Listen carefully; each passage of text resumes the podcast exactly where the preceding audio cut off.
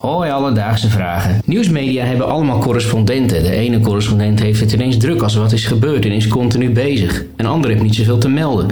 En dus vroeg ik me af, hoe en wanneer krijgen correspondenten nou eigenlijk betaald? En krijgen ze meer als ze meer uren werken of als er ineens iets gebeurd is? Alledaagse vragen. NPO Luister. Thomas uit uh, Volendam, dankjewel voor je vraag. Uh, ik vind het een hele leuke vraag. En ik moest natuurlijk meteen de uh, voor de hand liggende vraag voor jou bedenken, Aaron. Waar, waar zou jij nou correspondent willen zijn? Ik heb erover nagedacht. En als ik moest kiezen, dan waarschijnlijk Verenigde Staten. Waarom de Verenigde Staten? Ja, ik vind het een interessant land. Ja. Ja, nee, even een open deurtje. Ja, kom op. Oké, okay, maar wat dat meer is, het lijkt me gewoon, ja, ik, ik ben... Uh, ik je bent graag in landen die lijken... Op Nederland, op... ja, dat is het. Ja, ik, ja. Eigenlijk zou je gewoon correspondent willen zijn. Correspondent België, dat, dat lijkt me nou echt iets. Oké, okay, nou. Uh, nou weten we dat nieuws uit de VS, wat jij al zei, er in Nederland als zoete koek uh, ingaat. Dus correspondentie genoeg vanuit daar. Maar wat nou als je correspondent bent in een gebied wat in het Nederlandse nieuws minder aandacht krijgt? Daarover belde ik met Joost Bastmeijer van de Volkskrant. Hij is correspondent in Kenia geweest en inmiddels neergestreken in Senegal. Ja, dat uh, is niet echt een hot topic in Nederland. Nou, om te beginnen, misschien wel leuk om te weten wat je nou dus doet als je correspondent bent in West-Afrika. Ik, ben eigenlijk de, de helft van de dag, elke dag gaan aan het lezen. We zijn natuurlijk heel veel aan het kijken naar wat er in onze buurlanden ook gebeurt. En in de rest van het continent inderdaad ook gebeurt. Maar ja, voor heel veel plekken op het continent kan je inderdaad niet een hele goede correspondent zijn. Er zijn heel veel landen uh, waar je toch niet zo veel over leest. Uh, internationale media zitten ook in heel veel landen niet. Die hebben eigenlijk een beetje hetzelfde probleem als heel veel uh, Nederlandse media. Dat ze daar geen correspondenten hebben zitten. En natuurlijk het mooiste aan correspondent zijn is dat je op een plek zit uh, waar vandaan je makkelijk ergens naartoe kan, uh, kan vliegen om, om te gaan kijken hoe het echt zit. Uh, want dat is natuurlijk het belangrijkste aan je werk als journalist. Dat je niet alleen afgaat op wat andere journalisten schrijven, maar dat je ook zelf kan gaan kijken en met mensen kan, kan praten. Heel veel lezen dus. Heel veel lezen, heel veel oriënteren, heel veel contacten opbouwen. De vraag die natuurlijk dan ook in je opkomt is: ja, heb je dan altijd wel wat te doen? En word je ook doorbetaald? Ja, goede vraag.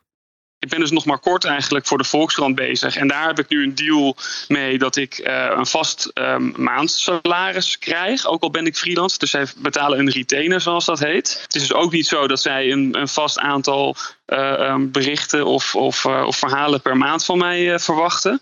maar het is wel de, de afspraak dat als er nieuws is, dat ik daar dan heen ga voor hen. En dat zij de eerste en vaak ook de enige krant zijn voor wie ik dan werk. Dus dat is wel een soort van exclusieve afspraak.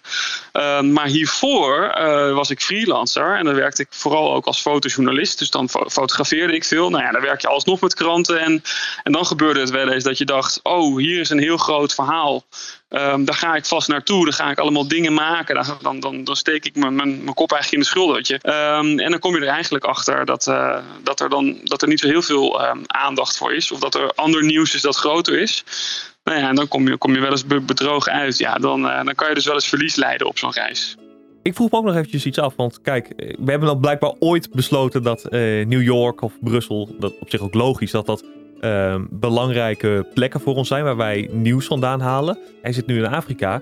Uh, misschien is over, uh, weet ik veel, tien jaar Antarctica wel een hotspot. Ja, nou ja, ik zou Antarctica geen hotspot noemen. uh, maar wat je zegt klopt natuurlijk wel. Ja, het is ook een beetje vraag en aanbod. En, uh, en ook ja, de, degene die dat maar bepaalt. Ik heb wel van Joost begrepen dat er enigszins verschuiving is in wat wij interessant zouden moeten vinden. Uh, nou zijn we ook natuurlijk als wereld steeds meer afhankelijk van elkaar. Je gaat globaliseren. Dus je zal zien dat zeker een continent als Afrika opgedeeld in verschillende regio's met correspondenten, als het goed is, echt wel steeds vaker ergens een plek gaat krijgen.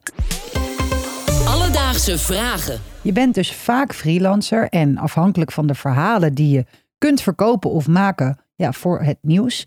Um, heel veel correspondenten doen er dus ook dingen naast. Maar ik kon me niet voorstellen dat er helemaal geen correspondenten zijn met gewoon een vast contract. Ja hoor, die zijn er wel. En dat zijn natuurlijk de grote posten. Hè? Dus Brussel is een belangrijke post um, voor, voor zowel de krant als voor de tv en de radio. Uh, uh, Washington, uh, New York, um, het Midden-Oosten vaak toch ook wel. Um, dus je ziet wel dat, dat dat soort posten eigenlijk wel worden bezet door, uh, door mensen die wel in dienst zijn.